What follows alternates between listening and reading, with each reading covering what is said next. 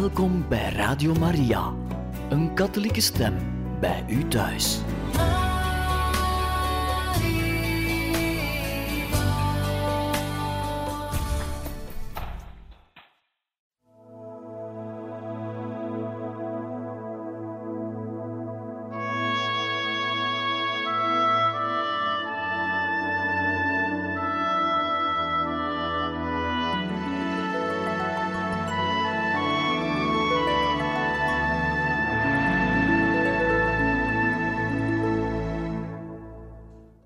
Luisteraars van Radio Maria, hartelijk welkom in dit programma Heilige Getuigen, waar wij verder gaan met de biografie van Edith Stein, zuster Theresia Benedicta van het Kruis, geschreven door pater Carmeliet Anders Arborelius.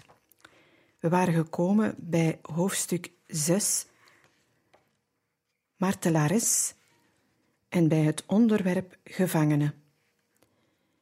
Even kort wat voorafging.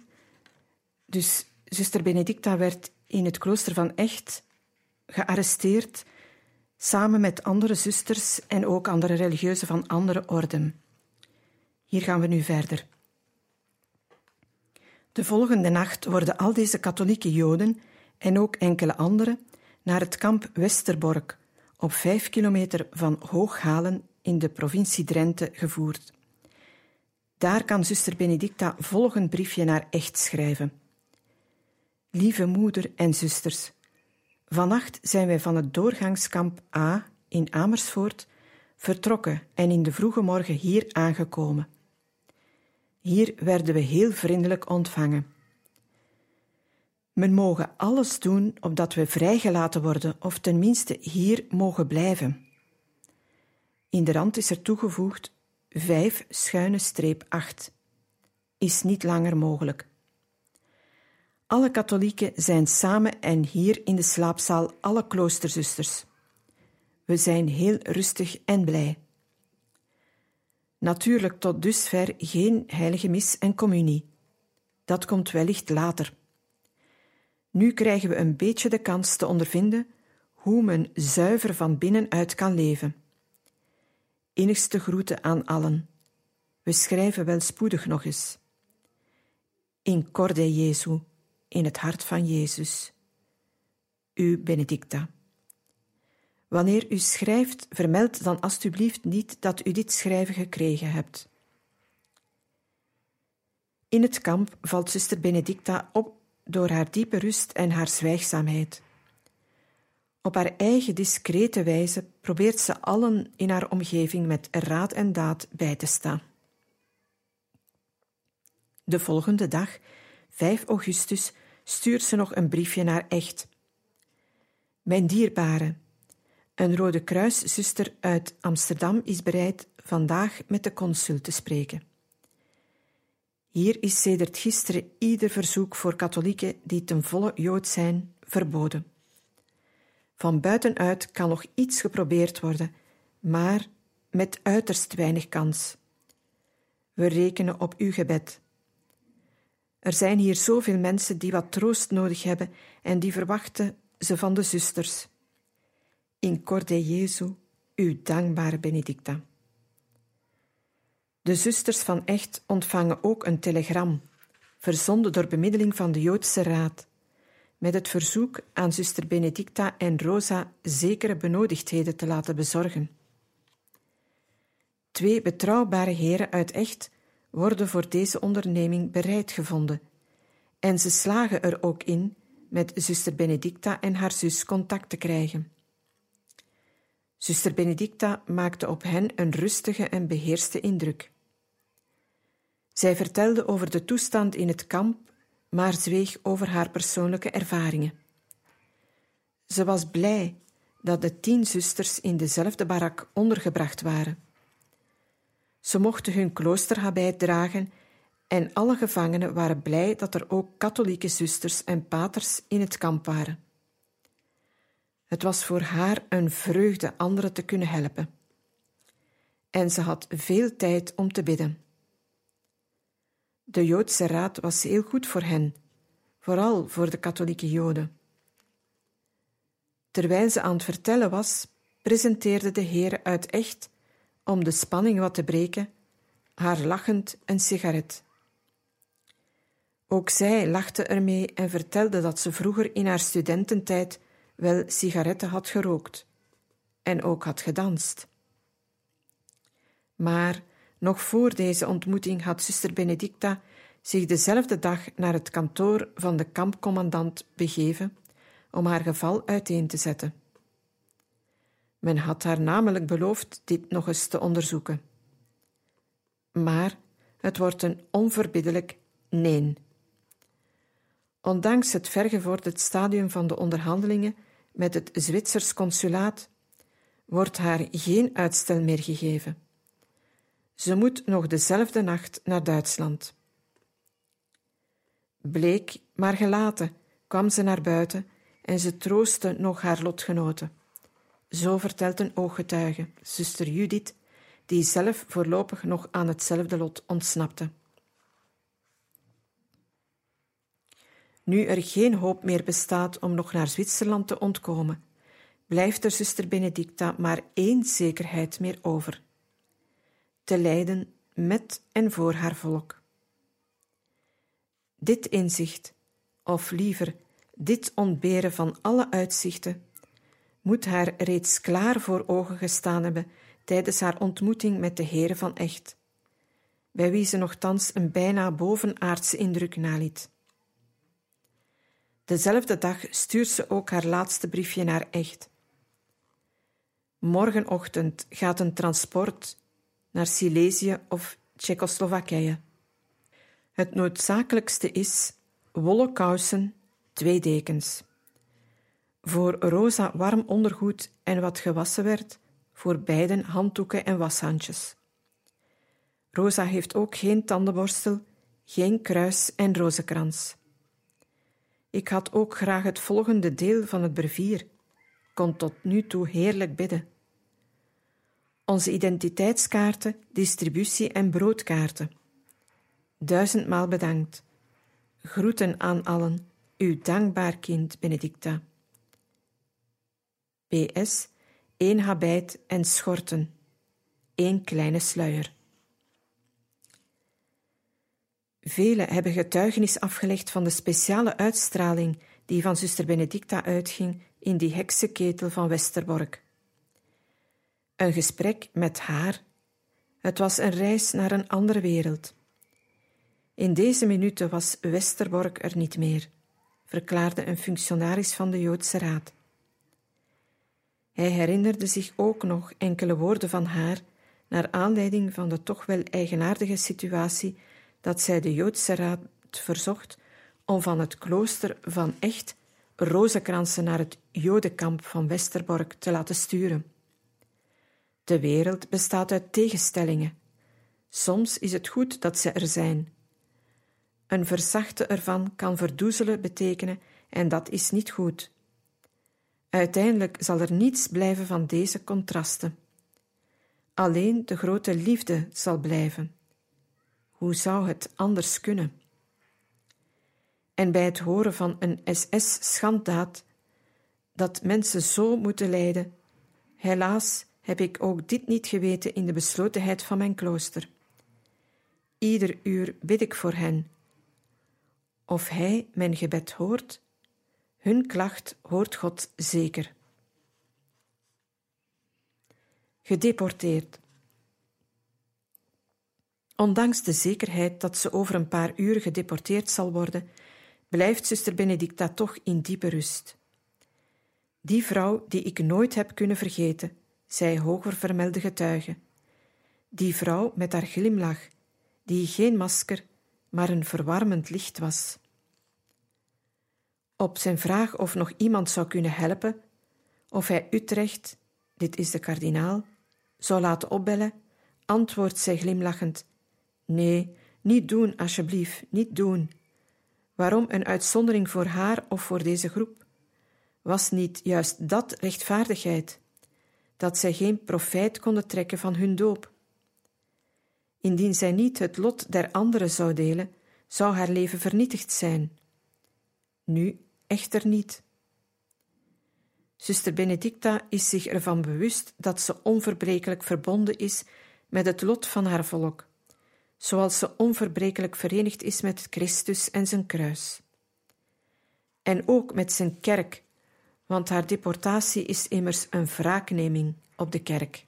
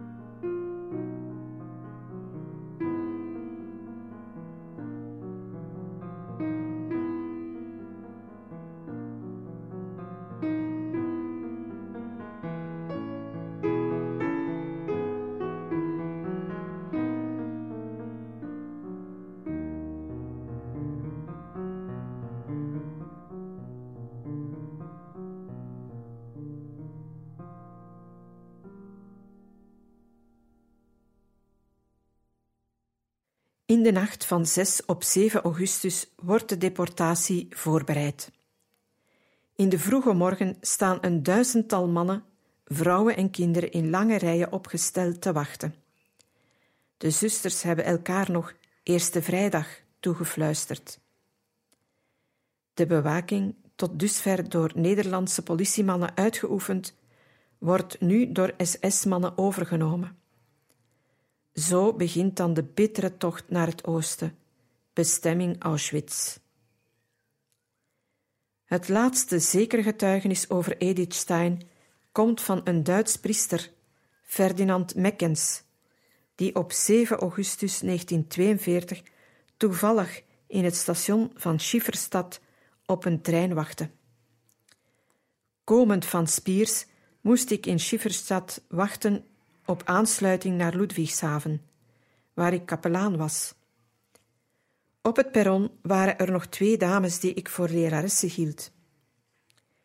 Op spoor 5 reed een lange goederentrein met alleen maar gesloten wagens en één personenrijtuig binnen.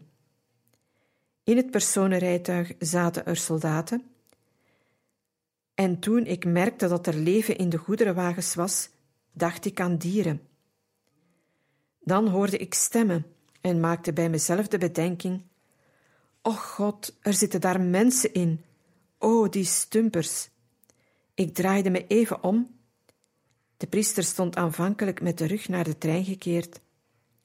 En daar zag ik door een met prikkeldraad getraliede lichtopening uit het donker twee klare ogen. En de vraag kwam: Bent u niet in het convict geweest? Ik ken u. Ik ben zuster Benedicta, Edith Stein. Brengt u alstublieft vriendelijke groeten over aan prelaat Lauwer en aan de zusters van Sint Magdalena. Als de trein vertrekt, laat ik een stukje papier vallen. Een minuut later liet ze een briefje vallen.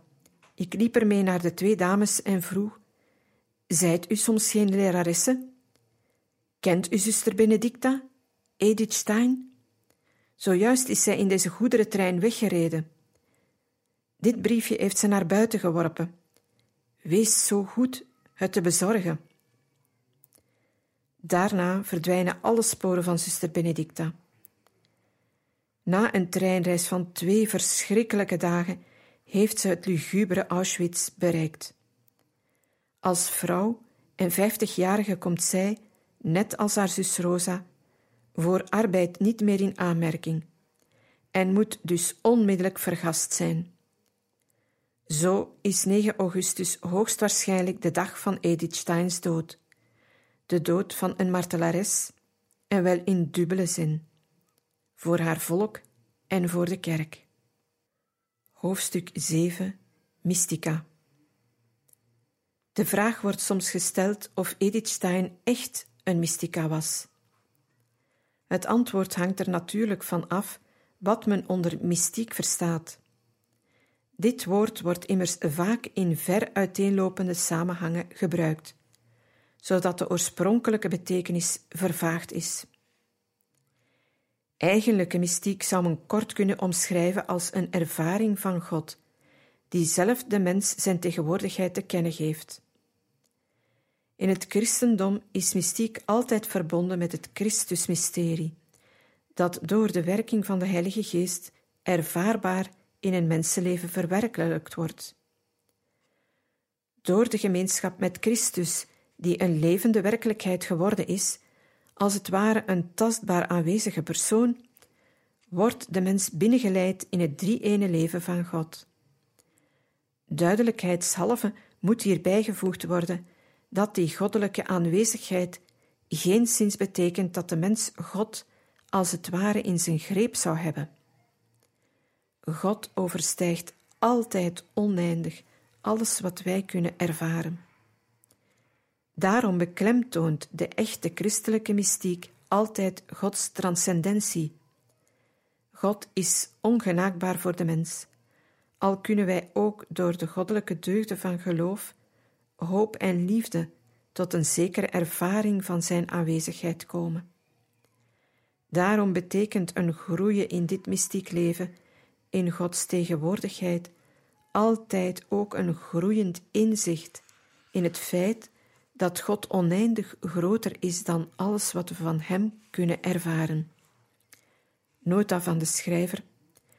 Zo is een van de grote gunsten die God in dit leven terloops aan een ziel bewijst, dat Hij haar op duidelijke wijze zo'n verheven inzicht en gevoel van God geeft, dat zij duidelijk begrijpt Hem eigenlijk helemaal niet te kunnen begrijpen of voelen van Johannes van het Kruis, geestelijk hooglied, strofe 7, nummer 9. In Edith Steins Wege der Gotteserkenntnis komt er een passage voor waarin ze klaar het wezenlijke van de mystiek omschrijft. We stellen nu de vraag: wat geeft een profeet de zekerheid dat hij voor God staat? Het zien met de ogen of met de verbeeldingskracht hoort er niet noodzakelijkerwijze bij, zegt ze. Dit alles kan wegvallen, zonder dat de innerlijke zekerheid dat het God is die spreekt, verdwijnt. Deze zekerheid kan steunen op het gevoel dat God aanwezig is. Men voelt zich in zijn diepste wezen door Hem, de aanwezige, beroerd. Dit is het wat we Godservaring in de meest eigenlijke zin noemen. Het is de kern van alle mystieke ervaring, de ontmoeting met God van persoon tot persoon. Hiermee kan, maar dan als een niet-essentieel begeleidingsfenomeen, een zintuigelijk visioen, zoals dat van Jesaja, gepaard gaan. Het essentiële van de mystiek is dus voor Edith Stein duidelijk de persoonlijke ontmoeting van de mens met de persoonlijke God.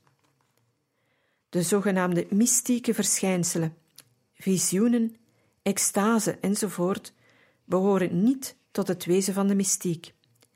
En feitelijk verdwijnen ze meestal naarmate het mystieke leven tot ontwikkeling komt. Dergelijke bovennatuurlijke fenomenen schijnen in Ediths leven niet te zijn voorgekomen.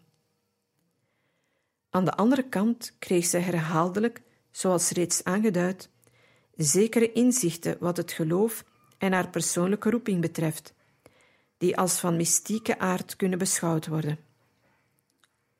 Haar geestelijke leider, Raphaël Walser, getuigt dat ze in Beuron mystieke genade ontving, die haar hielpen zich in het mysterie van de kerk te verdiepen.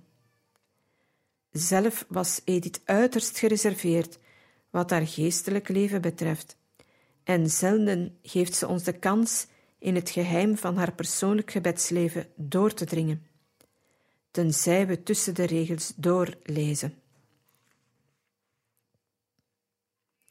Hetgeen Edith vertelt over haar roeping tot de karmel en het ongeveer gelijktijdig aanvoelen van een speciale roeping voor haar Joodse volk, is een tamelijk duidelijke aanwijzing dat ze op mystieke wijze inzicht kreeg in hetgeen God met haar voorhad.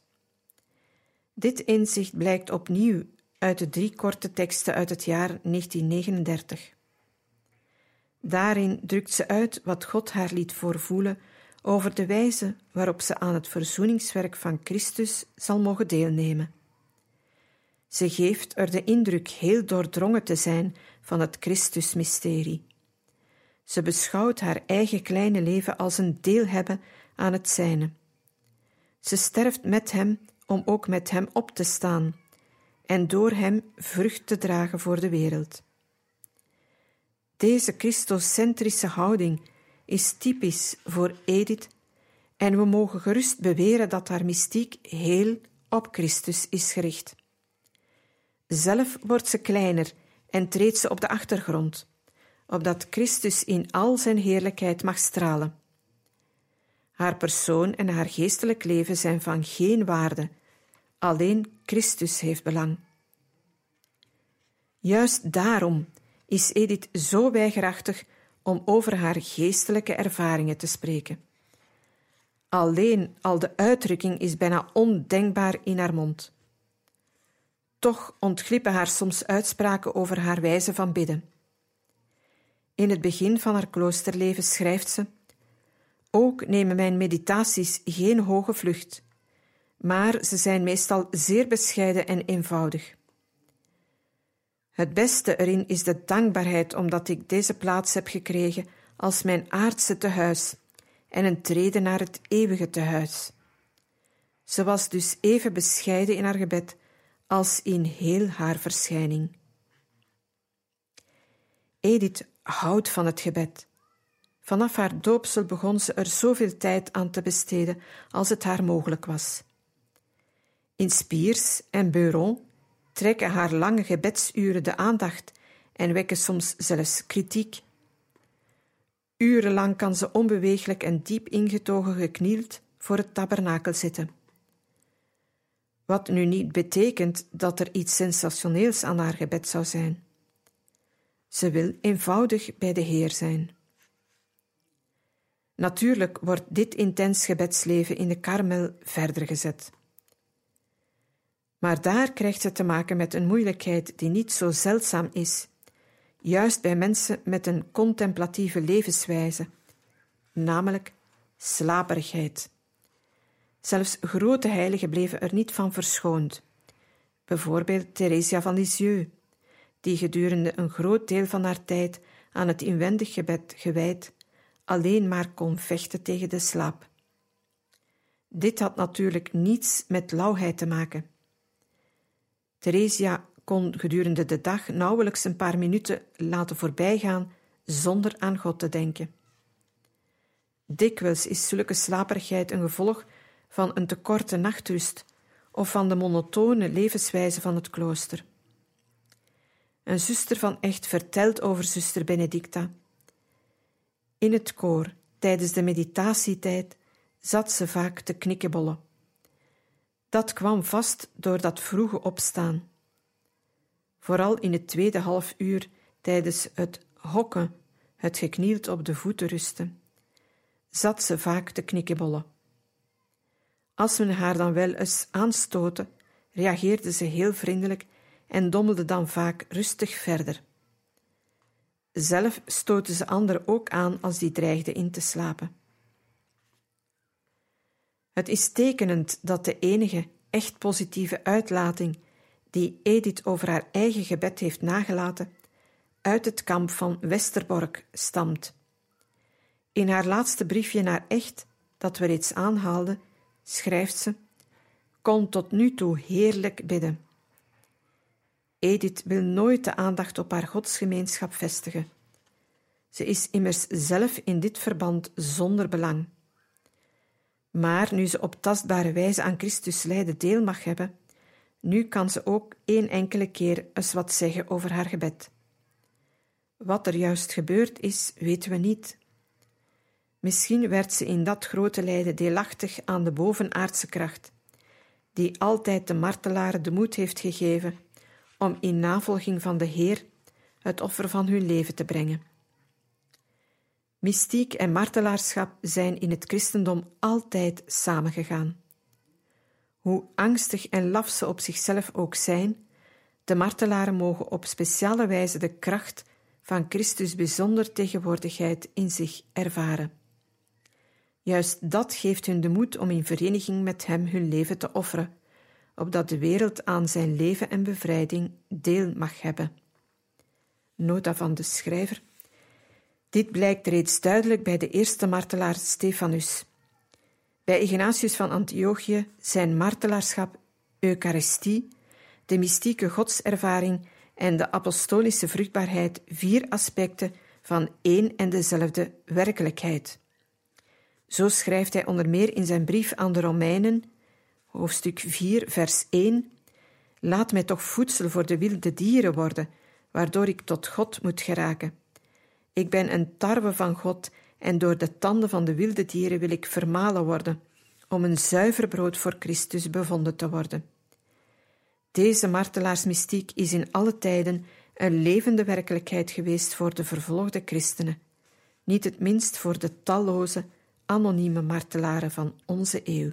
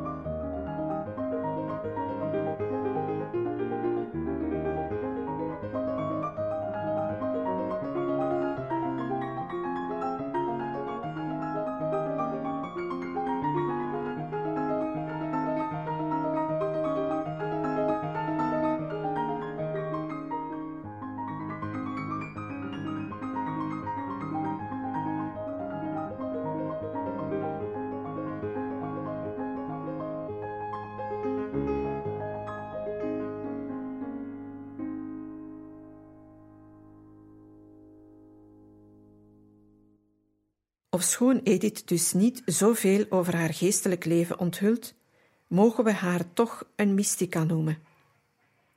De buitengewone fenomenen die men dikwijls met mystiek verbindt, schijnen weliswaar in haar leven niet te zijn voorgekomen. Toch wordt van haar getuigd dat ze een ongewoon groot vermogen bezat om geestelijk gestoorden te kalmeren. In Spiers was er een vrouw, Maria Camissar, die als van de duivel bezeten werd beschouwd en die erop uit was haar biechtvader, vicaris-generaal Schwind, te vermoorden. Edith was de enige die macht had over haar en in staat was haar tot bezinning te brengen. Bezat ze wellicht wat men het charisma van genezing kan noemen? Veel belangrijker is echter de intense wijze waarop ze deelneemt aan het Christusmysterie en de speciale roeping die ze zich bewust is om deelachtig te worden aan zijn kruis. Daarom mogen we de mystiek van Edith Stein karakteriseren als objectieve mystiek. Ze heeft meer aandacht voor het Christusmysterie zelf dan voor de uitwerking ervan op haar persoon. Men heeft wel eens de Karmelitaanse spiritualiteit een te grote belangstelling voor het subjectief of zelfs het psychologisch aspect van de mystiek verweten. Theresia van Avila, Johannes van het Kruis en anderen zouden te veel aandacht wijden aan de manier waarop de mystiek, begenadigde mens, God ervaart en deze ervaring te zeer ontleden. Wat hier ook van zij, Edith Stein echt weinig of geen belang aan haar eigen ervaringen. Het kan eigenaardig lijken dat juist zij met haar psychologische en filosofische vorming dit aspect uit de weg gaat. Misschien heeft juist deze vorming haar ogen geopend voor het gevaar zich blind te staren op hetgeen God in de mens doet, in plaats van de blik te vestigen op Hemzelf. Nu wil ik niet beweren dat het subjectief aspect van de mystiek onbelangrijk is. Het zijn immers altijd concrete mensen die op hun eigen persoonlijke wijze Gods genade ontvangen. Maar Edith spreekt hier nauwelijks over. Wat we bij haar vinden is een panorama over heel de wereld van het geloof, heel het Christusmysterie, voorgesteld op een wijze waaruit duidelijk blijkt hoe vast zij in de traditie van de kerk geworteld was, zonder daarom op te houden een kind van haar tijd te zijn. Kind van de Vader. De grondslag van Edith Steins mystiek, zoals van heel het geloof, is natuurlijk het wezen van God. De drie ene, Vader, Zoon en Heilige Geest. Hij is de oneindig verhevene en heilige. Deze transcendentie van God, die zo duidelijk het geloof van Israël kenmerkt, is ook typisch voor de wijze waarop Edith tot God zoekt te naderen. Maar hij is tegelijkertijd de oneindige nabije, die ons zijn tegenwoordigheid door zijn schepping en zijn voorzienige leiding zoekt duidelijk te maken. De vruchtbare spanning in God tussen ongenaakbaarheid en nabijheid wordt door Edith filosofisch en theologisch ontleed. Maar tevens staat ze tegenover God met de klare, enkelvoudige blik van haar geloof en geeft ze zich vol vertrouwen aan Hem over. Gods voorzienigheid is geen leeg begrip voor haar, maar een levende werkelijkheid waar ze steeds op terugkomt. God leidt al het bestaande naar het eigen doel, namelijk naar Hemzelf. Alle gebeurtenissen in een mensenleven, belangrijke en onbelangrijke, zijn een boodschap van Hem en leiden naar Hem. Die stem van God vernemen en beantwoorden, zie daar waar het in ons leven op aankomt.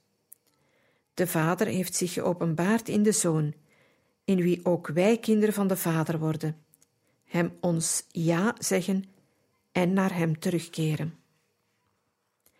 Die trinitaire dynamiek die zich in Gods heilsplan en voorzienigheid manifesteert, wordt door Edith op verschillende wijzen benaderd. Filosofisch, vanuit de premisse van het menselijk denken, theologisch vanuit het perspectief van de kerk. Maar als mystica, of heel eenvoudig als gelovige, en het is hier dat onze aandacht vooral naartoe gaat, probeert ze zich ten volle open te stellen voor wat God beschikt en er haar leven op af te stemmen. Altijd opnieuw zien we met welk vertrouwen ze in alles wat gebeurt de wil van God aan het werk ziet. Ze weet zich van alle zijden omgeven en veilig omsloten door de nabije drie-ene God die haar leidt. En ze antwoordt op deze liefdevolle aanwezigheid door zich vol vertrouwen aan haar Vader over te geven. Want God is niet alleen haar schepper, maar ook haar Vader, die voor haar, zoals voor al zijn kinderen, een heel persoonlijke belangstelling heeft. Vooral, zegt ze, zou ik u willen zeggen, leg toch alle zorgen voor uw toekomst vol vertrouwen in Gods hand en laat u als een kind helemaal door Hem leiden. Zulke aansporingen tot overgave komen vaak in haar brieven voor. En we mogen er zeker van zijn dat zij zelf in die gesteltenis leeft. Edith kijkt dikwijls achteruit en ziet dan hoe alles in haar leven samenhangt, hoe God haar door alle gebeurtenissen heen geleid heeft. Ieder mensenleven is een in God verborgen mysterie, dat alleen vanuit Zijn perspectief kan begrepen worden. Sinds we weer een postulantje in huis hebben, denk ik veel terug aan onze eerste jongeren in het klooster en aan de wonderbare beschikkingen die de weg naar de karmel telkens bepalen. Wellicht is de geschiedenis van de zielen in de karmel nog veel wonderbaarder. Ze zijn diep verborgen in het goddelijk hart. En wat we dikwijls van de eigen ziel menen te verstaan, is toch altijd maar een vluchtige weerspiegeling van hetgeen een geheim van God blijft, tot op de dag waarop alles geopenbaard wordt. Mijn grote vreugde is die hoop op de toekomstige klaarheid. Het geloof in die geheime geschiedenis moet ons ook altijd dan sterkte geven, wanneer hetgeen we uiterlijk kunnen zien, bij onszelf of anderen, ons de moed zou kunnen ontnemen. Iedere mens komt van God en is op weg naar God. Iedere mens heeft een uiterlijke, maar ook een innerlijke, mysterieuze en verborgen geschiedenis. Gods voorzienigheid werkt in het leven van iedereen. De zekerheid dat alles wat gebeurt tenslotte een bewijs is van Gods liefde, geeft Edith moed en hoop. Ediths geloof in Gods voorzienigheid krijgt nog een bijzonder accent door haar liefde voor de engelen. Zij beweert dat er nog een andere wereld is dan de voor ons zichtbare, die van de geestelijke wezens. De engelen zijn echter niet ver van ons. Ze spelen hun deel in het plan van God met ons. Op alle mogelijke wijze helpen ze ons, zelfs wanneer we dit het minst vermoeden. Ze weerspiegelen Gods goedheid op een oneindig aantal manieren. Al zijn de engelen verborgen voor onze ogen, ze zijn daarom niet minder actief bezig met alles voor ons ten beste te schikken. Beste luisteraars, we beëindigen hier voor vandaag deze lezing uit het leven van zuster Theresia Benedicta van het Kruis, Edith Stein, geschreven door pater Carmeliet Anders Arborelius. We hopen dat deze lezing u veel deugd gedaan heeft, wensen u nog een gezegende avond toe en tot een volgende keer.